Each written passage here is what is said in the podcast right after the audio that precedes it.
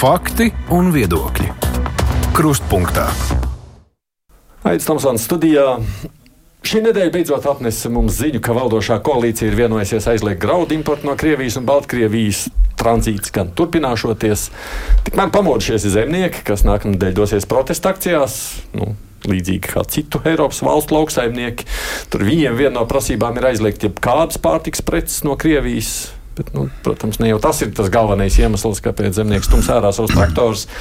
Par to, kādas ziņas šī nedēļa nes uz kāju piekdienās ar žurnālistiem, tuvākajās minūtēs arī runāsim. Šeit ir Anita Daugsta, darbojas TV24. Sveika! Sveika. Toms Ostrovskis ir portāla TV galvenais redaktors. Sveiks! Sveiki! Un Jānis Domburs vēl raidījumu Latvijas televīzijā. Un caur ekrānu sarunai pievienojusies arī kolēģi Māra Jansona. Sveika, Māra! Sāksim vispirms ar mūsu Eiroparlamentārieti Tatjanu Ždanoku. Gan Rebaltika kolēģis sadarbojoties ar Krievu kolēģiem no The Insider saņēma piekļuvi viņa iegūtai Ždanokas e-pastu sarakstei, un tā rāda, ka Krievijas drošībnieki ir Ždanokas lielie sadarbības partneri. Kas notiks pēc šīm atklāsmēm, jūsuprāt, Tom? Kas notiks, diezgan pagrūti paredzēt, jo tā retorika ir ļoti emocionāla rakstura. Man, man teiksim, izdi, uzzinot šo informāciju, pirmais jautājums bija, proti, vai un ko uh, mēs esam darījuši līdz tā saucamajam, laikam, ja nemaldos, 16. gadam, 2016. Mm -hmm. gadam, kad ir mainījusies kaut kāda noteikuma vai likumdošanas kaut kādi punkti, uh, vai līdz tam. Uh, mēs pievērsām uzmanību, jeb valsts represīvās institūcijas pievērsa uzmanību tikai tiem personāžiem, kas bija skaļi aprakstīti medijos, un tikai tādēļ tika kaut kādas, varbūt pat politiski lēmumi pieņemti, vai, vai līdz tam apdraudējums valstī kaut kādās formās bija faktiski nepierādāms. Nu, tā es sapratu pēc tās likumdošanas labojumiem, kas tika pieņemti. Uh, un, un, ne, kaut kāds pieks jau mēs raidījām ārā, nebija tā? Jā, nu es pieļauju, ka tāpēc, ka tas tika pieķerti burtiski pie rokas. Uh, bet, uh, teiksim, ja, ja skatāmies uz to pašu Tanoku, nu, Ušakovu kungam arī savulaik ir bijuši dažādi rakstura kontakti ar Krievijas vēstniecības pārstāvjiem. Uh, un, un tam nav sekojusi nekāda veida uh, teiksim, represijas vai sots. Un, un, uh, fakts par to, ka Ždanoka ir, ir e-pastos pierādāmi saistība ar, ar dažādiem personāžiem no Krievijas. Es domāju, pārsteigumu tas neradīja lielākajai daļai sabiedrības, bet vai tam būs kaut kādas konsekvences, es domāju, ka diez vai, jo, jo pašreiz jau viņai ir pietiekoši daudz liegumi attiecībā uz kaut kādu amatu ieņemšanu. Es, es nedomāju, ka tam būs kaut kādas redzamas konsekvences, izņemot tās, kas jau ir bijušas. Nu, Māra, tev taču nebija nekāds pārsteigums tā sarakstā, vai ne? Nē, protams, ka nebija. nu, bet tajā pašā laikā, kā jau Toms norādīja, ir, nu, ir Nu, jau valsts drošības dienas patiesībā pateica, ka līdz 16 gadam mums likums uh, neko, uh, nu, pareizāk sakot, mums nebija likumā tik stingri noteikts aizliegums sadarboties ar kaut kādām ārvalstu iestādēm.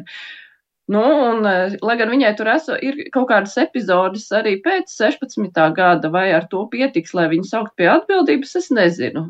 Eiroparlamenta uh, deputāta status viņai arī tūlīt beigsies bez kandidēšanas iespējām nākotnē. Tā kā viņa varētu arī vienkārši beigt savu politisko karjeru ar lielu Eiropas pensiju, jo pie tās diez vai ķersies eh, klāt par spīti visām izmeklēšanām, tā kā tādas milzīgas sekas diez vai būs. Nu, būs viņai vienkārši pēcteči, kas darbosies, bet jautājums ir, vai runa ir tikai par viņu vai vēl kādiem cilvēkiem Latvijas Krievu Savienībā, un vai, tie tiks ar kādu aizvietoti. No trešās puses eh, šis spēks jau salīdzinoši arī nu, ir pazaudējis savu ietekmi. Viņiem neveicās vēlēšanās, viņiem arī iepriekš vēlēšanās nav veicies. Uh, bet viņa vietā ir teikt, parādījusies stabilitāte. Kā, nu, es domāju, ka tie akcenti un svari ir pārvirzījušies vienkārši uz citiem politiskiem spēkiem, un mēs šobrīd runājam par kādu vēsturi. Mm, mēs runājam par vēsturi. Nu, neiespējami prognozēt. Nu, gan juridiskās konsekvences, gan politiskās. Nu, nu, kāda jēga mums te spekulēt un laika tērēt par to? Kā būtu jānotiek? Taķēna ar kaģiem. Nu, es vispirms gribu piemest vienu, vienu aspektu pagātnes aspektā. Labi. Viena lieta ir 16. gads, kad tur pamainīja likumus, un tad krimināla procesāli teiksim, kaut ko tur var citādāk skatīties. Bet nu, būsim reāli. Jā, nu, kopš 90. gada sākuma. Nu, konkrētā politiķa ir darbojusies tā, kā viņa darbojusies. Ja tagad insiders ir tas, kas uh, tiek pie viņas pastiem, man jautājums, ko darīja Latvijas drošības iestādes 30 gadus? Ja? Nu tā, nu principā. Jo principā drošības iestādes ir izdomāts priekš tam, uh, Uh, nu, lai viņš šādas lietas pat ja nevar noķert pie rokas un pierādīt, ja? nu, lai viņš principā nu, tā vai citādāk, bet novērst to varbūt viņiem bija tā, tā, tā saraksts jau zinām. Nē, nu, kā mēs zinām, mūsu drošības dienas tik ļoti atskaitās sabiedrībai, ka mēs nekad nezinām, un viss, ka viņiem kaut ko pasaka, viņi vienmēr saka, mēs visu šo zinām un rūpīgi vērtējam, ja? mm -hmm. un, un tā tas notiek mūžīgi. Bet es domāju, ka tas ir diezgan liels jautājums par to, vai, vai, vai tur nevarēja kaut ko izdarīt tālāk. Kam būtu jānotiek uz priekšu, es domāju, ka tas, tas ļoti sasaistās. Jā. Tas ļoti sasaistās. Nu, tas vispār ir lielais jautājums ar Latvijas drošību. Jā. Nu, tā kā kāds sāk liekt, tad mēs cīnāmies pret graudiem. Jā. Divus gadus pret propānu gāzi necīnāmies. Jā. Nu, nu, bullshit tas viss ir. Anita? Nu, to, ka Tatjana Ždanoka ir Krievijas trojas zirgs uh, Eiropas parlamentā, man liekas, tas nebija nekāds noslēpums uh, Mums. nevienam. Mums noteikti tiešām, kā Jānis nu pat pieminēja, kopš uh, faktiski de, 80. gadu beigām, 90. gadu sākumā šī sieviete ir vienmēr darbojusies kā politiķa pret Latvijas neatkarību un faktiski arī pret Latvijas interesēm nekāds, nekāds pārsteigums. Tas, kas interesē man, es saprotu, tu vari kritizēt tagad drošības iestādes, bet tas parāda nedaudz vienu citu jautājumu atklāja drošības iestāžu darbībā. Proti, um, kā drošības iestādes skatās uz eh, dažādiem cilvēkiem atkarībā no tā, kāds ir Latvijas politiskais, eh, politiskais virziens vai politiskā vara. Mūsu attiecības ar Krieviju nebūtu visos laikos eh, neatkarība, atjaunotās neatkarības laikā no bijušas krāsas negatīvas. Mums bija, teiksim, tā, tāds at, attiecību uzplaukums vienā, vienā periodā. Tieši tad prezidents bija Dmitrijs Medvēģevs, nevis Putins.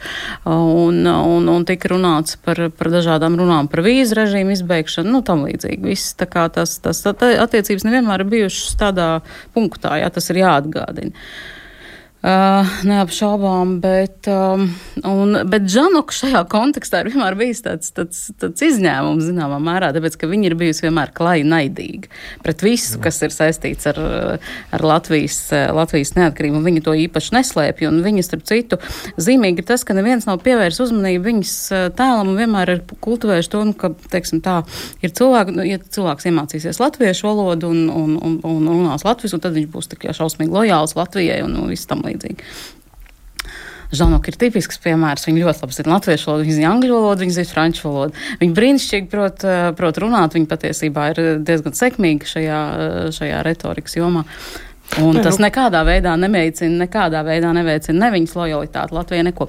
Bet eh, kas attiecās uz tālākām darbībām, ļoti interesanti, kā Eiropas parlaments varētu uz šo reaģēt. Jo uh, demokrātiskā kārtība neļauj atņemt mandātu, neļauj atļauj, atņemt, nu, teiksim tā, balss tiesības. Un eh, Eiropas parlaments to ir ievērojis ļoti, ļoti konsekventi, un tāpēc arī, piemēram, tā saucamās izdošanas procedūras tiesāšanai vai tam līdzīgi, šeit tur arī ir parasti ilgāks, un, un, un ko mēs varam novērot šobrīd ar to pašu Ušakovu, piemēram. Ja? Tas, nu, tas vēl... vēlēšanām nomuļās viens un nu, jā, jā, jā, jā, un tur nekas nenotiek. Tieši tā, un tāpēc, ka tas notiek ārkārtīgi lēni, jo viņi ir ļoti piesardzīgi šajos, šajos jautājumos. Un šī gadījumā Būs interesanti vērot, vai ar Ždanoku tiešām notiks tas, uz ko aicināja tagad uh, Iepas Kalnieta un uh, Zīle uh, kaut kādā veidā tur pātrināt kaut kādas izvērtēšanas procedūras.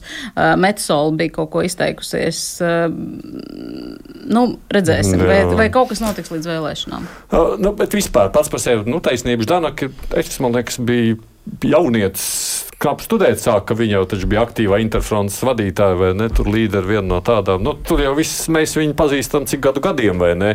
Sadarbība vispār Latvijā ar kaut kādiem Krievijā strādājošiem FS bešņikiem vai tad ir aizliegta?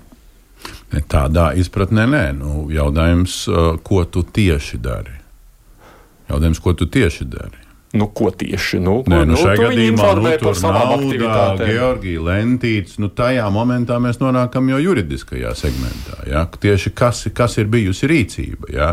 tieši kāda teksta ir bijusi. Ja? Tā jau bija cita lieta. Jo es saprotu, ka nevien, nu, neviens jau pat tāpat šobrīd nesaka, nu, ka viņi ir kaut, par kaut ko ņēmusi naudu, pārdodot informāciju. Nē, nu, viņi vienkārši ir nu, informējusi. Darboties var arī ideoloģisku draudzības dēļ ar dažādu valstu dienestiem, dažādu uzsveru. Viens no viņas pārmetumiem, jeb pretargumentiem, ja tā, tā nosaukt, bija, ka uh, vesela čupa cilvēku, un tā skaitā politiķi un arī esošie, arī dodas uz teiksim, ASV valsts vēstniecību. Uh, nav obligāti atskaitīties, tas traktējuma jautājums, mm. bet nu, interpretācija, bet uh, fakts, fakts kā tāds eksistē. Bet tāpat laikā nu, uh, ir jau arī jāsaprot, ka man liekas, ka Eiropā nedaudz kusla tā, teiksim, tur bišķi ir jāmēnās arī tam, man liekas, politiskiem redzējumam, politiskajai filozofijai varbūt. Proti, ka uh, nav jāslēpj uh, sava, teiksim, pārliecība, piederība, tā skaitā ideoloģiskā rakstura. Teiksim, ja mums ir pa ceļam ar ASV, un tas ir vēsturiski un ilgtermiņā, un tad ir normāli aizbraukt uz ASV vēstniecību vienalga uz kādu pasākumu. Un paralēli, protams, arī papļāpāt. Vai tur ir kaut kas vairāk, ok, tas atkarīgs no katra paša, bet uh, principā. Uh, Varbūt šis pretarguments kādam nostrādāja ar domu, oh, es nākamreiz vairāk neteikšu, ka es braukšu uz ASV vai uz Vācijas vēstniecību. Ja? Bet, uh, manuprāt, par to nav jākautrējas vai jābaidas par to runāt tiem, kas ir varbūt aktīvajā politikā. Varbūt tad arī šī retorika būs varbūt vairāk vienvirziena. Jo pašreiz ir tā, nu viens met, otrs met pretī. Un, bet sekas kaut kā neredzu nopietnas Ždanakas kundzei. Bet eh, vakar, man liekas, ka Latvijas televīzijā bija Mārcis Kučinskis, kurš sacīja, ka nu, tā mapīte esot ļoti, ļoti bieza un ka šoreiz tas tā nepalikšot nu, malā. Nu, ko, ko, ko nu, tas ir tas, ko Jānis nu, ko? minēja. Proti, par to, ka eh, VDD vai, vai citas represīvās institūcijas ik pa laikam atbild, jā, mēs zinām ļoti labi un uh, noteikti pievērsīsim uzmanību. Nu, jā, nu, tas ir faktiski līdzvērtīgs teksts, bet, uh, okay, bet kādas būs sekas līdz šim nebija. Tad kāpēc tagad pēkšņi būs? Ar šo vienu vēstules kaut kādu publikāciju, nekas pēc 16. gada tikai parādījusies. Ja? Nu, sakot, absolūti skepsis. Es dzirdu no visiem četriem pilnīgi skepsis. Par... Tā skepsis. Nu, vienkārši nu, ir runa par to, cik, cik smagas un kādas lietas ir, protams. Ko gribēji teikt, Mārta? Ne? Nē, es, ko es varēju vēl piebilst par to Kučīnska mapīšu tekstu. Viņš tik ļoti mīklaini izteicās. Viņš pateica, it kā ļoti noslēpumaini, bet nepateica pilnīgi neko. Un tas ir tas, ar ko mēs te varam arī spekulēt. Jā, mēs visi zinām, ka tur ir tās milzīgās mapes, bet vai tā būs juridiskas sekas? Nu, No, nu, labi. ja tas skar valsts noslēpumu, nebūs, nebūs juridisku seku. Mm. Nu, tad ejam uz priekšu ar šo skepsi. Varbūt kaut kas mums būs optimistiskāk. Mēs pagājušajās reizēs runājam par Krievijas uh, graudu aizliekšanu. Uh, Nu, te kaut kāda kustība beidzot ir notikusi, tad te kaut kas ir pozitīvāk jāskatās. Valdošā koalīcija esot vienojusies. Tāda bija Anita šīs nedēļas ziņa. Nu, es tomēr gribētu, lai šī vienošanās būtu tāda, mm, tāda absolūti uh, vienota pozīcija visai, visai Eiropas, Eiropai. Uh, jā, visai Eiropai. Un, un tur nebūtu tā, tā nozīmītas uh, dalīšana par to, kurš tagad lielāks kā lai pasakā, nezinu, sankciju patriots vai, vai, vai tam līdzīgi. Nu, kaut kā, kaut kā man tas liekas, un man ir, man ir kaut kādas tādas, nelab, nu, tādas nelabas sajūtas, vai, vai, vai, vai kā mēs skatīsimies pēc mirkļa, piemēram, Lietuva. Tas grauds pārpirks. Jā, jā tas, tas, tas, tas arī būs tāds Nu, cikot, arī šeit tev skepse nav nu, zudusi nu, nekāda. Jā, nu, man skepse arī nav zudusi, bet uh, attiecībā uz, uz graudu aizliegumu es domāju, ka jāskatās varbūt ir arī bišku plašāk. Proti, nav obligāti izslēgt vai, vai runāt par vienu uh, teiksim, pārtiks vai nozares uh, precēm, uh, preču importu no Krievijas vai, vai Baltkrievijas vai tranzītu. Uh, ir jāskatās uh, višku plašāk. Uh, un proti, manā skatījumā aizliegums uh, vienalga, vai tie ir graudi, vai tas ir, nezinu, palmeļa vai kaut kas cits, uh, nestrādās īsti. Un, jo mums, mūsu, jāskatās uz mērķi. Mūsu mērķis ir ilgtermiņā ierobežot šīs valsts iespēju um, vai nu eksistēt uh, vai pelnīt uh, uz viņu ignorances rēķina. Uh, tāpat laikā uh, mierīgi var, var izdomāt izstrādāt uh, schēmu un ar to iet uz, uz Briseli, proti par dažādu ierobežojumu uh, uzlikšanu, lai, uh, lai teiksim, tas tā kļūtu nerentabla nozare. vai nerentabls pārtikas produktu gross vai, vai, vai, vai izstrādājumu gross. Jo, jo skaties, teiksim, tas, tas arguments, jeb piebilde par Lietuvu, kas varētu paķert, ja mēs aizliedzam, nu, tā vienkārši brutāli, ir ļoti pamatots. Jo mēs, mēs redzam, ka Igaunijā, piemēram, ir aizliegts valsts uh, kapitāla sabiedrībām sadarboties ar uh, jebkādu veidu eksporta importu attiecībā uz Krieviju. Uh, tāpat laikā Latvijas, Latvijas kapitāla sabiedrības, Latvijas dzelzceļš meitas sabiedrība LZ Cargo eksportēja uz Krieviju 250 tonnas pērna palmeļus. Tāpēc, ka to nevar darīt uh, Igaunijas valsts akciju sabiedrība. Es tas ir nu, apsviedīgs bizness. Uh, nu, nav aizliegts tur. Ir aizliegts valsts un kapitāla sabiedrībām vai pašvaldības, bet nav aizliegts komerces biznesam. Attiecīgi, nu, tad ir jādomā, ko mēs aizliedzam. Mēs varam aizliegt valsts uh, kapitāla sabiedrībām, komerces biznesam. Nu, tas būs ļoti diskutabli. Māri, mēs ar tevi esam par šo te runājuši piekdienās, un tagad tavs secinājums. Jā, nē, man, es tā klausos un eh, vēlreiz eh, pārdomāju to visu, cik tas ir ārkārtīgi skumji, ka mums eh, nākas spriest par to, nu, mēs kaut ko aizliedzam, un tad kāds cits uzvārīsies uz tā rēķina, ka mēs esam aizlieguši. Tieši tas pats arī nu, valdībai bija arguments, viņiem arī kaut kāda uzņēmēja teica, nu, jā, ka vajag aizliegt arī tranzītu, un viņi teica, nē, nu, mēs jau ar to tranzītu aizliekšanu ekonomiski neko nepanāksim, jo tāpēc, ka kāds cits to tranzītu varētu pārņemt. Bet tas viss tā no malas izklausās, ka mēs vienkārši tagad kaujamies par to, kurš pelnīs eh, uz šo graudu rēķina. Un eh, mēs paši ne, nu, redz, ja mēs gribētu pat parādīt Eiropai piemēru, kā tas tiek arī teikts, ka mēs tai parādīsim piemēru aizliedzot importu. Nu, mēs jau varam arī aiztaisīt sev tranzītu robežu ciet, un tad Eiropa pavisam sapratīs. Bet eh, šobrīd mēs uztraucamies, nu, ka kāds to mūsu graudu naudu dabūs, eh, jo viņš vienkārši bez sirdsapziņas eh, turpinās šo rūpalu. Nu, tā vienkārši ļoti tā skumīgi. Jā. Man trīs lietas par mērķiem, par starptautisko kontekstu un par skumjām.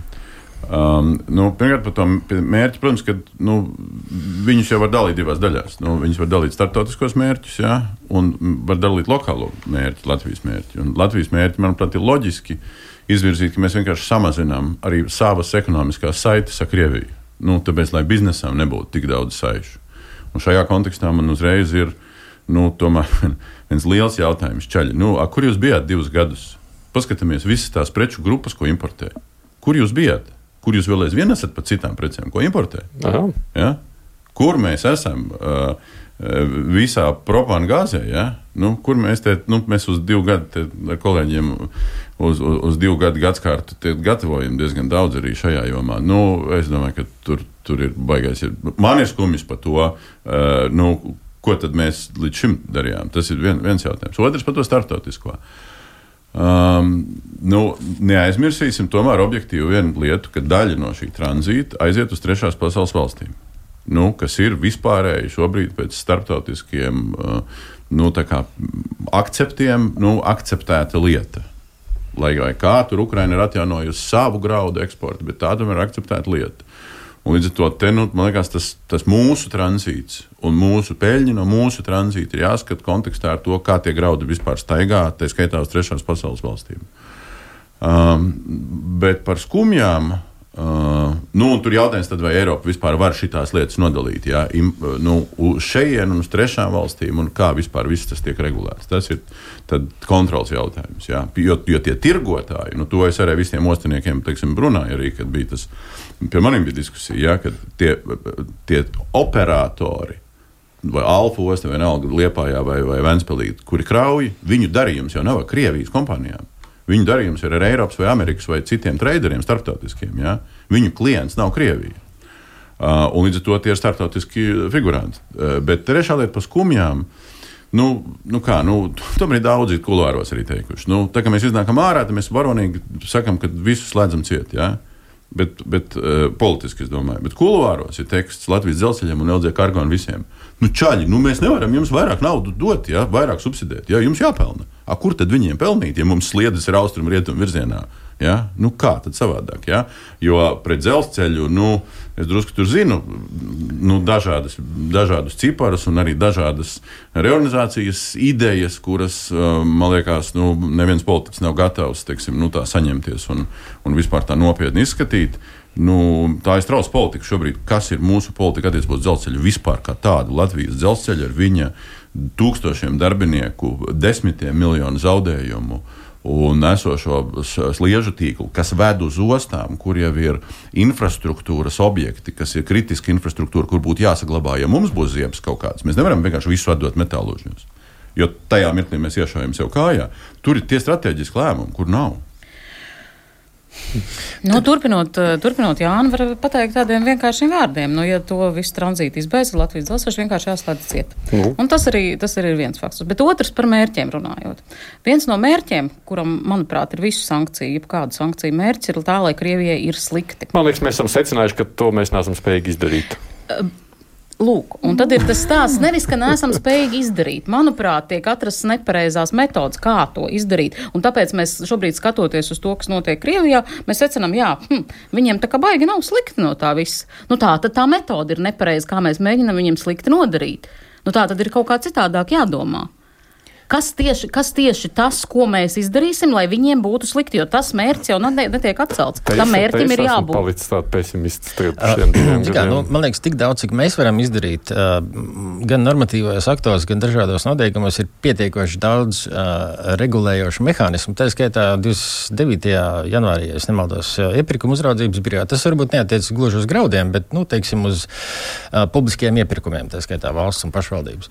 Uh, 29. janvārī uh, iepirkuma uzraudzības birojas publicēja tādu īsu, skaidrojošu, bet ļoti labi saprotamu arī man, kas nav saistīts tieši ar ekonomiku un, un neesmu pārzinātājs par to, ka līdzinējos noteikumos ir skaidri un gaiši rakstīts, ja kāds vēlas Uh, limitēt uh, uh, nezinu, iepirkumus vai tenderus no, ar preču izcelsmi, kam ir Krievija, Baltkrievija, to visu drīkst un var darīt arī arī ar tiem uzņēmumiem, kas nav esošo ASV vai ES sankciju sarakstā. Mm -hmm. Jo Krievija un Baltkrievija nav nedz ES, nedz Pasaules tirdzniecības organizācijas kaut kādos īpašajos sarakstos. Mums nav jādod, un mums arī tas ir definēts, mums nav jādod līdzvērtīgas iespējas šo valstu uzņēmumiem vai preču izcelsmē no šīm valstīm, lai tie startētu. Mēs varam mierīgi startēt pie mums. Mēs mierīgi varam likt ierobežojumus tieši tā arī uzrakstot. Respektīvi, līdz šim to varēja darīt.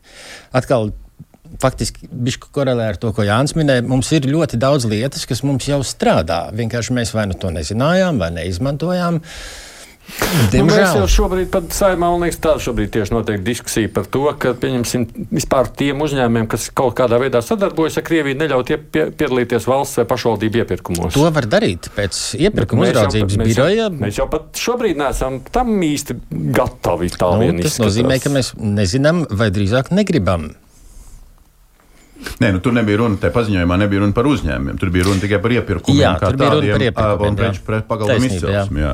Tā kā, nu, var būt, ka var mēģināt kaut ko vēl uzvirpināt par tēmu uzņēmumi, bet, nu, vienalga, nu, divi gadi, nu, divi gadi.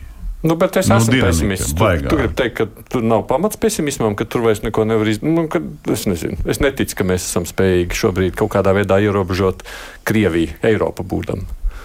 Nē, protams, ka var ierobežot. Protams, ka nu, mēs jau ierobežojam, bet, bet, bet īsti, nu, tādā ziņā nopostīt viņa ekonomiku, ka šie nespēja turpināt. Viena karot. Eiropa, protams, ka nevar, nevar nopostīt ne? Krievijas ekonomiku, un viena nē. Bet, bet es tiešām uzskatu, tas korelē drusku ar to Ždanoks tēmu. Ja? ja mēs principā ilgtermiņā skatāmies par tēmu saiknes ar Krieviju ja, kuras var būt toksiskas, ideoloģiskas, informatīvas, kultūrālas. Un tu nezini, šodien tu sadarbosies lieliski ar kaut kādu cilvēku vai Baltkrievu. Ja, Un, un, un parīts ar to cilvēku izpildīs tev maigās un pat netik maigās varas. Un, un ekonomika, protams, ir viens no, viens no instrumentiem. Jā, līdz ar to tas ir, es domāju, strateģisks jautājums šobrīd. Kā Latvijai uh, kura jau bija pārorientējusies proporcionāli, protams, eh, uz rietumiem, pārorientēties tomēr vēl vairāk, ņemot vērā, ka mums tā Krievija vēl aizvien ir septītā vietā eh, importa sarakstā, septītais importa partneris. Nu, šiem metot varbūt ar tiltu uz nākošo tēmu, lauksaimnieki tātad protestēs pirmdien arī ielā tajā sarakstā, ko es skatījos. Tas pirmais tur bija tātad aizliegt jebkāda veida importa uh, no Baltkrievijas un Krievijas pārtiks preces. Nu, tātad lauksaimnieku pro, pro, protests. Nu, ir saprotam prasība. Loģiska prasība. Tagad beidzot. Nu, zikā, nu, es varbūt ātru repliku attiecībā uz šo, proti poļi ilgstoši protestēja pret Ukrainas graudu un dažādu citu vēl pārvadātājiem. Jā. jā, respektīvi, ja mūsu lauksaimnieki, vai vismaz es saprotu, maza daļa, laikam mazākā daļa, iespējams, no visām lauksaimniecības saistītām asociācijām uh, protestēs, tad uh, pret Krievijas un, un teiksim, Baltkrievijas uh, um, graudu importu, tad uh, tulīt tie būs arī Ukrainas. Tāpēc, tas jebkurā gadījumā atsauksies uz vietējās, teiksim, gan infrastruktūras, gan, gan zemnieku peļņu. Kā, mm, man, man nepārliecina šis protests teiksim, formulējums, jo es tā līdz galam arī nesapratu to formulējumu. Kas, kāds tieši ir tas mērķis, es teikšu godīgi. Nu, tur ir vairākas tās prasības, bet nu, pieņemsim šī prasība kā tāda - aizliegt visa veida.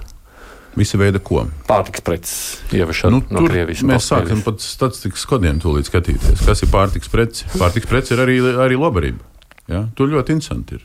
Jautājums tieši, ko mēs cenšamies aiz, aizliegt, jo, jo tad, nu, tad cilvēku galdā liekama pārtika no Krievijas. Manuprāt, nu, šai mūsu importā no Krievijas nebūtu liela sadaļa. Nebūtu. Ja? Tas atkal ir kaut kāds šāviens pa zvirbuļiem vēl lielgabalu. Uh, ja, ja, ja, ja, nepa, ja nepaņem jā. plašāk, ja, tad ir tas jautājums, ko tieši aizliedzam. Ja. Un tad ir, protams, jāskatās, kas staigā uh, ziemeļos, dienvidos, ņemot vērā, ka kaut kas ienāk Igaunijā vai Lietuvā, un te mums ir brīvrobeža ja, šurp tur. Ja. Turpinot par šo tēmu un par šiem gaidāmajiem protestiem, es tikai atgādināšu, šeit ir Jānis Dombors no Latvijas televīzijas, Anita Daugš TV 24, Toms Ostrovskis TV net un kolēģis Mārjāns Antepet Kruspunktā. Raidījums Krustpunktā. Nu, tā otrā prasība tātad PVN 5% vecais stāsts. Kāpēc tagad, kur viņi bija pirms budžeta, to es arī tādu nesapratu. Kāpēc tagad viņi iet ielās un par to prasīs, kad jau budžets ir pieņemts.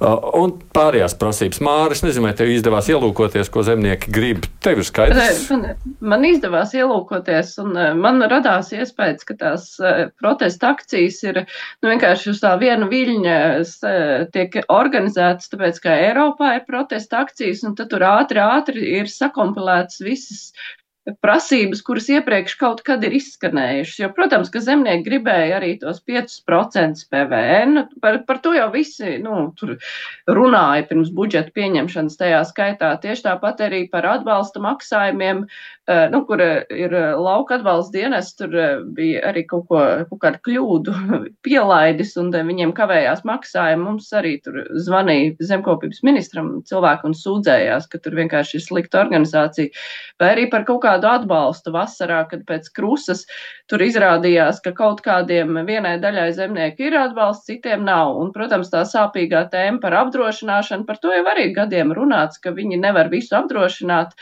jo tur ir apdrošinātāji uz to arī neparakstās.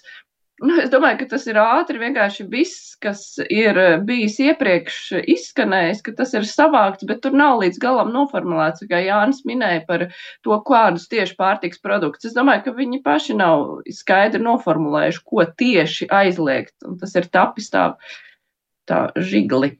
Jums bija pārsteigums, ka pēkšņi parādījās vakar ziņa, ka nu, ies ārā ar traktoriem visi zemnieki. Es patiesībā kaut kādā ziņā gaidīju to, kurā brīdī uh, Latvijas uh, lauksaimnieki norezonēs uz tiem Eiropas uh, protestiem. Man likās, ka tas ir tas, uh, kāpēc, kāpēc tas notiek. Jo lietuvieši jau arī jau saņēma. Jā, tiesa gan, uh, tiesa gan, un šajā ziņā es Mārai pilnīgi piekrītu. Es domāju, ka tas ir kaut kāds tāds galvās, nu tāds, tāds norezonē, jo paskatījās, kas tur Berlīnē, kas tur Francijā, kas tur Parīzē, kas tur viss kaut kur, uh, kā tas viss notiek. Nu, arī, nu, tā, kad mēs, mēs tūliņ iesim un kaut ko parādīsim. Respektīvi, solidaritāte solidaritāte vispirms un uh, detaļas pēc tam. Detaļas pēc tam. Tas, ka pagājušā gadā mainījās uh, atbalsta um, izmaksas kārtība. Tas, ka bioloģiskiem lauksaimniekiem saskaņā ar jaunākajām regulām sanāk tā kā mazāki šie atbalsta maksājumi, tas ir neapšaubāms, neapšaubāms Pat fakts. Viņiem, man liekas, tur ir veselē virknē. Jā, tur ir veselē virknē, tāpēc, ka tur ir aprē, cita aprēķināšanas kārtība. Tāpēc, ka kliboja, uh, kliboja sistēma, kurā uh, lauksaimniekiem, zemniekiem ir jāievada tie dati, lai viņi attiecīgi saņemtu atbalstu, un Latvija lauka atbalsta dienests kavēja. Nu, šobrīd mm. viņi paziņoja pirms dažām dienām, ka viņi ir izmaksājuši 80% no Mm. no, no mm. atbalsta. Nu, jautājums, kāpēc ne simts, bet acīm redzot, nu, ir, kaut kāds, ir kaut kāds iemesls. Tas, ka pagājušais gads kopumā lauksaimniecībai Latvijā bija viens no sliktākajiem gadiem pēdējo gadu, gadu izpratnē, tas viss, es domāju, sataisīja tādu kumulatīvu efektu, nu, kurā kurā tad, viņi, kurā tad lauksaimnieki grib, grib kaut kā iekļauties. Man, man ļoti negribētos eh, domāt, ka tas ir kaut kā pieskaņots, lai mēģinātu kaut kā, um, nu, teiksim, tā nav jau tur politiski visi tik vienoti, ka tur ir kaut kāda arī politiski iemesli, lai, piemēram, tur uh, kaitētu uz EZS, nevis uh, tāpēc, ka tur bija pirms tam bija apvienotais saraksts un vēl tur ir kaut kādi, nu, kaut kādas tur virzības. Man negribas tā domāt. Es šajā gadījumā domāju, ka tas ir tāda rezonanse uz, uz tiem protestiem, kas kopumā ir Eiropā. Un tur es teiktu, tās prasības, par kurām runā tur, piemēram, te pašā Vācijā zemnieki vai, vai Francijā, viņas izskatās nu, daudz neslīdzām pamatotāks nekā šobrīd Latvijas lauksaimnieku prasības. Bet tur arī diezgan daudz ir tieši nacionālo īpatnību prasības. Nav tikai tā, ka tas ir viss kopējās Eiropas prasības. Jā, tavuprāt, kas tas ir? Divas lietas. Pirmkārt, es um, nenovērtētu pa zemu to, ka attiecības starp konvencionāliem zemniekiem un bioloģiskiem arī Latvijā nu, nevienmēr ir siltas un sirsnīgas. Gan, un mūsu zemkopības ministrs nāk no uh, bioloģiskās grupas. Ja? To, tur var būt viss kaut kas. Es arī zinu, ka virkni cilvēki nebija baigās sajūsmā tieši personiski par viņa kandidātu. Tur ir pārmet, ka viņš tur nesot kaut kādām sarunām izgājis ārā, tas vispār nemāk sarunāties. Jā, jā, jā. Nu, tieši tā. tā. Tagad tā, tā ir viena lieta. Bet otra lieta, es vairāk uz šo lietu skatos nevis uh, zemnieki pateica, apspriedīsim zemniekus, bet es vairāk skatos uz to, cik konsekventi vai, vai vai vēlētājiem, cik saprotama sekos Latvijas valdības reakcija vai parlamentu, vienalga nu, politiķu reakcija. Ja? Jo tad, nu kā, nu, no vienas puses ir stāsts par to, ka, ja objektīvi um, lauksaimniecībai kā nozarei kaut kādos punktos ir kaut kāda problemātika, konkurētspējā, izdzīvošanā, tam līdzīgi, tam līdzīgi, tad mums ir skaidri uz lapas tas jāredz. Un skaidri, kā valstī jāsaprot, nu, ka, ja mēs tagad kaut ko neinvestēsim, ja, mēs zaudēsim ilgtermiņā. Ja. Tā ir viena otra lieta. Mums tikko mēs apspriedām tās nozares, to pa pastu parunāsim vēl kaut ko, vēl kaut ko no, uz nozares, uz tā galda. Mums ir ojojoj, un tad ir otra lieta politiski. Tu vari domāt par savām balsīm un iet pretī zemniekiem, tāpēc, ka balsis ir. Bet, ja pa valsti domā nevis par savām balsīm, ja, tad tev ir jāierauga tā lauksaimniecība starp tām visām nozarēm, nu, kurā vietā, cik daudz mēs nodokļu maksātāju naudu vai kādu citas instrumentus lietojam. Nu, ļaužu attieksmi pret to tavuprāt, jo man liekas, ka es sadzirdu tajā gan mūsu zvanos, gan tā, nu, atkal tie zemnieki, atkal tie zemnieki. Nav tā, ka tas tā ir viena daļa ļaužu. Es domāju, ļaužu ka daļa. nav, tad, tad tur būtu baigi jāmēr socioloģiski. Tom. Nu, Zinām, varbūt tas nenopietnāks nods, bet uh, um, es domāju, ka uh, zemnieki ir vienīgie vai gandrīz vienīgie, kas vispār kaut ko dodas ielās, teiksim tā. Un, protams, ka viņiem ir arī tehnika, un varbūt, ka vienkārši, uh, nezinu, kādai policijai vai valsts drošības dienestam vajag tīri ilustratīvi paskatīties, kādas iespējas, cik daudz ir traktoru un kādas iespējas mums būtu, ja pēkšņi kaut kas gadās, un, un cik daudz mēs varam izvest uz ielas. Bet es jau teicu, tas ir nenopietnas nots. Bet vajag mums vispār tiešām palīdzēt lauksaimniekiem, tavuprāt? Es absolūti piekrītu Jānim par to, ka ir jāredz pilns liels laukums, respektīvi viss laukums. Ar domu, ja lauksaimniecība ir, un, un nevis jā, bet ir viena no nozarēm, kur ir ļoti daudz kaut kādas problēmas, un ja tur ir struktūrāls problēmas, pavisam noteikti vajag arī gan tā saucamos papīrus dokumentus redzēt, respektīvi salīdzinoši. Jāskatās salīdzinoši. Bet jūs esat žurnālisti, nu, tāpat kā es, jūs esat redzējuši, nu, līdz šim, nu, ka tā trauksme briesma situācija analizē, nu, ka, nu, ka, nu, ka jāsāk domāt, ko darīt. Nu, piemēram, pagājušā gada sākumā piensaimniecības nozarē Atceros, rēķinoties, jā. jā, bija, nu, bija, ļoti, tra- bija ļoti traģiska situācija. Par uh, graudkopji uh, kaut kādā posmā jau vasarā teica, ka ir ļoti slikta situācija. Augļkopji teica, ka ir ārkārtīgi slikta situācija. Principā teikt, ka, ka viņi kaut tā kā tevīm jā, jā, protams, protams. Nē, nu man bija arī bija cikls uh, LSM, um, tātad, kas jādara Siliņas valdībai, kur bija visi ministri, kas mainījās, tā skaitā Krause. Uh, un uh, nu, mūsu šmīts iepratīm, uh, un, un lauksaimnieki visi kompānijā, un, me, un mežsaimnieki arī šajā gadījumā. Nē, protams, ka tur ir virkne lietas, kuras ir uh, problēmas, un, un cenas mainās dinamikā, un, vai sezonās, vai tam līdzīgi. Un tas, uh, ko viņi tagad saka, ka pēdējos mēnešos kaut kas nav noticis, ja, nu, tas ir jāiet soli pa solim un jāskatās. Ja. Jautājums atkal, vai tā ir nu, kā kritiskā masa šobrīd, tieši šobrīd, uh, lai viņiem būtu tas. Uh, nu, sasniegts tas punkts, ka, ka citādāk vairs nevar. Jā? Nu, to, to es detaļās nu, nevaru pateikt. Nē, nu mēs vispār to nevaram pateikt. Gal, galvenais, ka tas jau faktiski kaut kādā daļ, nu, daļai jau tas ir pateikts, ka nav līdz lūpai, tāpēc, ka tās organizācijas arī dalās. Mm. Viena pasaka, ka nē, nav tik traki, ko jūs te ņematies. Mm. Jo tas tas jautājums, kurā brīdī man liekas, nu, tā informācija lēnā garā ir jāparādās, jāparāda, un arī ministrijā cīm redzot, jā. Tas ir, ko es saku priekš tiem vēlētājiem. Tas, ka tai būtu adekvāti, ka tie politiķi šobrīd priekš visiem vēlētājiem dotu skaidri saprotamu, faktos, datos balstītu redzējumu. Nu, pieminēja cits uh, joms, kur arī ir problēmas. Nākošais ir pasta nodaļas. uh, Tur, kur paspēja janvārī aizvērt, nu, tur bija diezgan liels skaitlis. To nu paspēja aizvērt, tās ir cieta pārējais process. Tagad vakar uzzinājumi ir apturēts. Ko tu saki Jāni par šo? Nē, nu, atkal briškana Twitter politika. Ja? Nu, Vienu dienu ir lēmums, nākamā dienā briškans varonīgi kaut ko risina. Nu, paskatīsimies atkal no kvalitatīvas politikas viedokļa. Ir pasts. Kas pasta nozarē ir atbildīgs par pasta politiku? Satiksmes ministrija. Latvijas pasts, kā organizācija, kā uzņēmums, strādā saskaņā ar stratēģiju. Pagājušajā gadā, tā kā mainījās arī vad, va, jaunā, jaunā vadība, jau teica, ir jau vilciena laika, iepriekšējā laikā jau pieņemta stratēģija. Ja?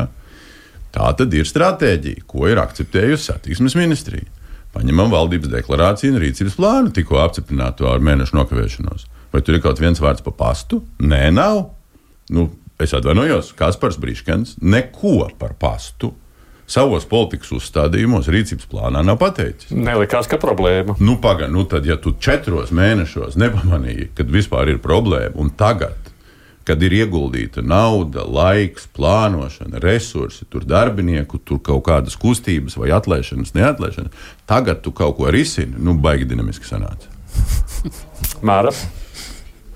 Jā, es piekrītu, ka tur trūksta ministrijas, bet tas ir ne tikai pēdējos gados, bet jau sen tādas uzraudzības un sapratnes par to, kas notiek šajā, organ, šajā iestādē. Jo, nu, man, nu, labi, es neesmu arī tik ļoti dzi, iedziļinājusies, vai šis plāns par pastnodaļu samazināšanu bija pamatots vai nebija pamatots. Acīm redzot, ka tur ir kaut kas pārsteidzīgi un ekseļos taisīts, bet uh, nu, tas, ka nav bijis tāds uh, kārtīgs izvērtējums un analīze, droši vien, ka no ministrijas puses tas gan ir tā izskatās. Nu, acīm redzot, jā, tas ir paslīdējis garām, bija daudz svarīgas lietas ar vilcieniem un viss kaut kas, un nevar paspēt visu Vai izdarīt. tiešām tā varētu būt, ka lēmums par pārpa simts nodaļām visā Latvijā slēgšanu varētu paslīdēt garām? Ne, tāpēc es saku, tas jautājums ir, Tā vai tā būt. stratēģijā šis nebija. Šai stratēģijā tam bija, nu, nu es Nu, nu, neesmu tā- pētījis nu, stratēģiju. tā nevarētu būt taču, vai ne? Nu, bet tā nevarētu būt, protams. Jā, nu, tam Nu, būs 60%, jā, 60%. Principā eh, mēs jau ļoti labi zinām, nu, kas notiek. eh, Jā, neapšaubām. Preses abonēšanas nav, vēstules eh, nesūta, ir jāpārorientējas. Bija arī ir, ir šis pa- pakomātu tīkls izveidots Latvijas pastam, tas ir viss. Bet ir ļoti daudz lietas, kas vienkārši nav salāgotas. Pielāgotas, piemēram, iespējas cilvēkiem laukos, cik, cik nav runāts. Es atceros, bija tas tās, jā, mēs bankas taisīs, komercbankas taisīs ciet bankomāts, bet jūs taču tur varēsiet Latvijas pastā norēķināties un vēl kaut, nu, tur, tur, tur bija vesela sistēma, kas teica, jā, bet Latvijas pasta nodaļa taču paliek. Tātad jums ir kaut kādas iespējas kaut ko tur darīt, izpildīt kaut kādas, kaut kādas lietas. Nu, nesatraucieties, iedzīvotāji. Tagad iedzīvotājiem tiek pateikt, ka nē, jūs nekur neko nevarēsiet izdarīt. Jūs vienkārši tur. Mm, No otras puses, Latvijas pasis nevar izsināt visas veselības nezinu, finanšu uh, jautājumus un banku. Nē, nē, bet, bet ziniet, kas man vispār pietrūkst visās šajās, te, te man liekas arī sakrita viss. Te sakrita pasis, te sakrita skolas, te viss sakrita, nu, tādā vienā Vienā, lielā čopā. Un tā vienīgā balss, ko es nezinu, un es varu piekrist par to, ka te jārunā par kaut kādu vispārējo valdības stratēģiju. Es nesaprotu, kāpēc mums vispār ir, piemēram, varam ministrs. Nu, labi, es saprotu, ka satiksmes ministrs tur var vainot vēl kaut ko. Varam ministra vispār nekas nav sakāms. Tur vienkārši sēž tā kā nu, vide un reģionāla attīstība. Mm -hmm. Nu, reģionāla attīstība turklāt ir. Nu. No otras puses, šī ir tāda pilnīgi cita pieeja, ko tā es esmu sapratis šobrīd no Latvijas pastu vadības sakot. Tā ir tāda stratēģija, ja mēs slēdzam tos punktus, ja mums ir pilnīgi jauns pieeja, tad mēs pie, piegādājam uz mājām, tur ir pasniegs, kas tagad ir mobilais. Nu, mm -hmm. Proti, cita, cita veida darbošanās. nu, kā, tā stratēģija gan jau netapa vienas dienas laikā, tā, kur vismaz bija plānots realizēt, proti par slēgšanām. Un, jo, uh, neskatoties to, ka tā ir valsts akciju sabiedrība, ja nemaldos. Jā, jā, valstī piedrošu. Uh, valstī, jā, es vienkārši domāju to status valsts akciju sabiedrība. Un tas nozīmē, ka uh, visticamāk ir peļņas uzstādījumi. Tātad, respektīvi, ir jābūt rentabliem vismaz kaut kādā stratēģijā, iekļaujošos laika posmos, definētajos. Un, ja ir plāns strateģiski slēgt, manā skatījumā ar to vajadzēja iet uz priekšu. Man, kas man vairāk uztrauc, ir varbūt rada bažas, ne tik daudz uztrauc. Proti, ka uh, valdības ministri ik pa laikam, tā skaitā premjerministra arī ir, uh, nu, arvien biežāk. Uh, paļaujas, vai drīzāk pakļauj sevi kaut kāda rakstura populismam vai populistiskai rīcībai. Jo, skaties, man, piemēram, tas pasta lēmums, jeb satiksmes ministra lēmums atcelt, jeb atlikt uh, pasta reorganizāciju, vai kā to nosaukt, man atgādināja Siliņas kundzes neseno. Es gribētu teikt, uh, fušieri ar pasēm. Mm -hmm. un, tad man likās, pagaidi, bet Kādā sakarā, teiksim, premjerministri, skatot jau to iepriekšējo gadījumu, paļaujas vai pakļauj sevi dažu, teiksim, sašutušu pilsoņu, nezinu, brēcieniem par to, ka 60 eiro ir desmit gadus lielākais vai milzīgākais ieguldījums. Tādēļ mēs atceļam to, ko plānoja Pilsonības imigrācijas lietu pārvalde, kuras, starp citu, ir viena no viszemāk atalgotajām. Tur pasu nodaļā, kad to aizies, es kādreiz tieši nu pat bija, bija jāatjaunā. Uh, viņi saņem 600, 700 eiro. Tie, tās kundzes un, un kungi, kas sēž, kas fiziski tev izsniedz. Ja? Uh, un tāpat laikā uh, Pēdējo reizi cena par pasēm ir celta 12 gadus atpakaļ. Ja? Nu, respektīvi, mums ir saprotams, ka ir dabiskā inflācija, nevis tikai pēdējo trīs Covid un kara inflācija par pakalpojumiem, precēm un uh, dažādiem rīkiem vai dokumentiem. Kā, man liekas, ka uh, valdība tas laikam ir tāds. Uh, Es pieļauju, ka šīs nebūs pēdējās reizes gan attiecībā uz uh, pasēm, kas šķietam it kā maznozīmīgs tāds. Bet es domāju, ka mēs vēl piedzīvosim ļoti daudz šādas, jo acīm redzot, uh, valdībā nav tik kaut kādas stingras. Nezinu, uzraudzības, varbūt no premjerministra puses, vai autoritātes, kas uh, ministriem ļauj pieņemt lēmumus, kas iespējams nav pareizi ilgtermiņā. Jā, Māra. Nē, nē, man šķiet, ka šajā gadījumā uh, varbūt nostrādāja tas, ka valdības, ne tikai kaut kādas konkrētas, bet vairākas iepriekšējās valdības jau ir nu, sākušas kaut kādas reformas, kur, kur ir tā ideja ļoti laba, bet uh, praktiskajā realizācijā trūkst uh, kaut kādas svarīgas komponentes, lai pēc tam ar šīm reformām visi cilvēki būtu apmierināti. Izglītībā, piemēram. Tur ir ieviesta skola 2030. Tā ideja ļoti laba, bet praktiskais izpildījums uh, ir ļoti nu, pieklibo un, lielā mērā tāpēc, ka reforma tika dzīta ļoti strauji priekšā un nedodies mums atkāpties, jo tāpēc, ka laiks dzen, neatkāpsimies, gan jau sanāks. Rezultātā tomēr parādījās ļoti daudz problēmu un nozara ir neapmierināta, tie, kuri izmanto izglītības pakalpojums, ir neapmierināti. Un es pieļauju, ka ministri baidās no tā, ka kāds sāks vai turpinās kaut kādu reformu, kas ir iepriekš varbūt sākta, ko viņi nepārzina un e, nav nodrošinājuši izpildi, ka arī šajā gadījumā tie mobīlie pasnieki, viņi dabā nestrādās un ka nespēs vienkārši nodrošināt pakalpojumu tā, lai cilvēki būtu apmierināti, un tāpēc vieglākais ir apturēt un vēl piecreiz pārdomāt pirms nogriezt to.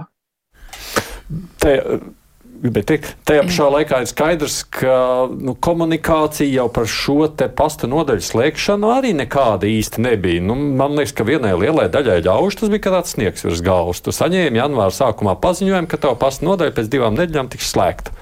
Un tā kā to saņēma viens, trešais, un izdevās, ka pusi Latvijā aiziet šādu paziņojumu, nu tad cilvēku Ja? Nu, proti, mēs kaut kā nemākam komunicēt lietas, pat ja mēs izdomājam. Es arī nezinu, cik tā stratēģija ir ilgstoši izstrādāta un cik rūpīgi izsvērta vispār un pret. Tas, Bet tam es, nebūtu jābūt kaut kā nu, laikus nokomunicētam. Nu, es domāju, ka tā galvenā problēma ir mm, pārāk maz procents Latvijas iedzīvotāju lieto Twitteri, kura politiķi nāk ar šiem paziņojumiem. Tas, kā Jānis minēja, Twitter politika. Jā. Un? Nu, šī iemesla dēļ viņi uzzināja par vēlu. À. Respektīvi, politiķi nav vainīgi. Nē, tas, kas man ir visās šajās reformās, šajos reformu pieteikumos, kuri pēc tam tiek atlikti, mūsina ir neskaidri noformulētais mērķis. Mēs tagad noskaidrojam, ka 105 pasta nodaļu likvidācijas mērķis ir, lai uzņēmumi strādātu rentabli. Skolu likvidācijas mērķis ir tas, lai nu, tikai neflētējiet lūdzu par kvalitatīvu izglītības kvalitātes celšanu. Vienkārši naudas ir tik, cik ir, un tā tad ir noteiktam skaitam jā, jābūt. Nu, es gan teiktu, ka tur ir gan, gan. Nu, pieņemsim, bet atkal. Nu, tad jautājums mums, kas, kas tad mums tas, tas valsts virsmērķis? Valsts ir uzņēmums, kurai svarīgākais ir gūt peļņu vai Nu, tieši kas? Nu, te pašā laikā jautājums, kas, vai mēs gribam jebko finansēt skolas, mēs gribam no budžeta dotēt, Latvijas dzelzceļa dotēt, pastu arī beigās dotēt, un ko tam mēs gribētu nedotēt. Bet skolas vienmēr ir dotētas jā, jā, no budžeta. Nē, tur nekas, jau, tur nevar būt nekas tā nav uzstādījums Latvijas pastam beigt ar zaudējumiem strādāt, lai viņam nav visu laiku no budžeta jāatbūt piešķirts, tā kā liks loģiski no vienas puses. Bet, bet vai tur ir pateikts, ka likvidējot nodaļas? Tāpat visām preses piegādēm tas jau ir daudz Vai tad, vai, tad, vai tad uh, tas nozīmē, ka viņš vairs nesaņems piešprices?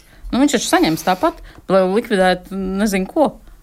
Nu, labi, te pieminētā man ir 5-6 minūtes. Jā, tev arī bija par skolām tā finansēšanas mm -hmm. modeļu maiņa. Ko tu no tā secini? Vai nu tur ir vesela virkne lietu, ko secināt. Um, bet es domāju, ka tas lielais stāsts ir, ka mēs uh, šobrīd tikai redzam, ka administratīva teritoriālā reforma, kur vienkārši bija kartes pārzīmēšana, nedadomājot daudzas lietas, nu, šobrīd um, es nezinu, vai mēs šitādā stilā. Uh, mikromanagementa līmenī izglītības ministrijai ar, ar pašvaldībām, vai mēs nonāksim pie, pie kaut kā ļoti nu, jēdzīga. Ja? Tur būs bagātās pašvaldības, nabagās pašvaldības. Vienas varēs kaut ko piefinansēt, otras nevarēs.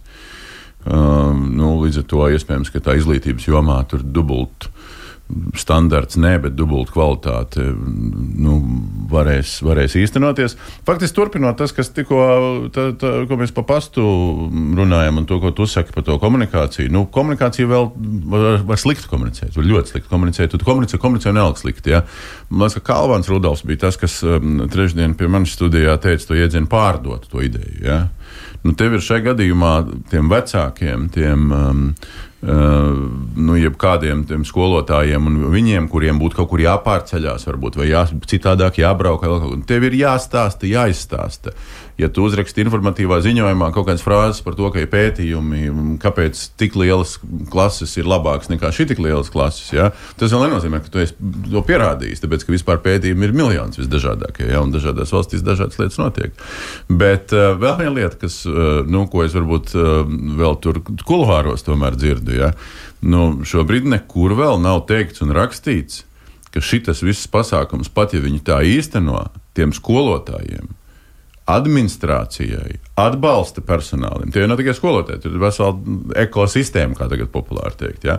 Vai nodrošinās to algu celšanu, pat ja šis pasākums slēptā veidā daļu skolotāju, arī tā skaitā mm, cienījamā vecumā, izstums no sistēmas. Jo viņš visticamāk izstums viņus. Ja? Nu, skolas samazinās nu, skolotāju. Jā, mazāk, jā. jā. Nu, un, un, un, un, protams, ka jāstāsta patiesībā acīs, ja mums šī prognoze piepildīsies, ka demogrāfiski um, šobrīd mums ir pēdējais lecieniņš skolēnu skaitā dēļ tā, ka demogrāfiski bija plusiņi 2006. 7. gads, un pēc tam ir tikai lejā, lejā, lejā, lejā. Tas nozīmē, ka mums no 202 tūkstošiem 40. Gadā tā prognoze, kas ir šobrīd, ka uh, skolās mācīsies 173 tūkstoši. Ja? Nu, tad, tad kaut kas jādara bez šaubām, ka ir. Tur ļoti daudz lietas. Bet, bet man liekas, tas, tas stāsta, stāsts par, uh, par pārdošanu un stāsts par, par, par pamatošanu. Nu, Dievs nedod, kas te vēl ies vaļā. Tagad te vēl skolām būtu akcijas, vēl es domāju, ka būs baigi. Būs, būs. Man tā liekas, Tom, ko tu sagaidi? Pārdošana ir ļoti labs, ļoti labs piedāvājums, kā nopārdot. Jo, principā, jau faktiski nu, tas ir arī mediju žurnālistiem. Nu, no, kā nopārdot to, ko, kas man ir svarīgi, vai kas ir svarīgi arī, nu, lai tas būtu svarīgi arī citiem. Uh, nu, šobrīd valsts piespiež, lai pašvaldības pārdod šo domu savām iedzīvotājiem tālāk. Jā, kā, man, man bija viena īsi, tas, kas man iekrita acīs, pārskrienot pāri tai programmai, ja to tā var saukt, proti, mm, es neatradu sev līdz galam skaidrojumu par to, kāpēc klases um, skolē, nu, klas, skolēnu skaits klasē ir, uh, teiksim, ja ir 30, plus, tad ir baigi forši. Jo man liekas, ka jo vairāk skolēnu klasē, jo mazāk iespēja uh, teiksim, lielākajā vairumam nu, no skolēniem iedabūt kaut ko tādu. Kā šajā modelī pat tas tā netiek uzsvērts. Tur, tur, tur, bija desmit, desmit, uh, desmit, desmit plus un un 20, 20 plus. plus jā. Jā. Bet tur vienā vietā bija precīzi definējams trīs grupās. Kaut kādi 10, 17, klases, 17 24 jā, vai 26, un tad uh, kaut kas tāds bija. Varbūt, ka es kaut ko nošāvu. Tur ir runa par bet... to, ka klašu, klašu grupā. Tātad, nu, piemēram, no 10 līdz 12 klasē, jā, tev ir jābūt 120 cilvēkiem. Jā, jā. Un, Nā, un, un jātaisa paralēlās klases, jā. paralēlās klases jātaisa. Uh, attiecīgi um, nu, pilsētās jābūt paralēlām mm, klasēm. Okay. Jā. Vismaz divām okay. paralēlām klasēm. Jā, nu, jā nu, okay, labi. Teiksim, nu, konkurencei tas pavisam noteikti nāk par labu, bet uh, teiksim, vispārējiem izglītības līmenim varbūt arī nē.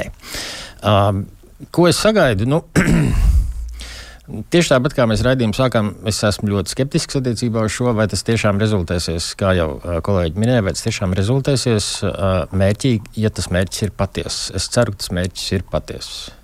Mērķis Kurš? Pa, gan palielināt atalgojumu, gan uh, palīdz uh, ekosistēmu, kā Jānis minēja, ar palīgiem, uh, jo tas varētu atslogot skolotājus, bet respektīvi uzlabot izglītības kvalitāti pa lielam. Uh, tikpat prozaiski runājot, nu, vienkārši ir trīs bērni, kas iet skolā. Man, man tas šķiet būtiski, un es neatradu šādas atbildes uz šiem jautājumiem, lasot.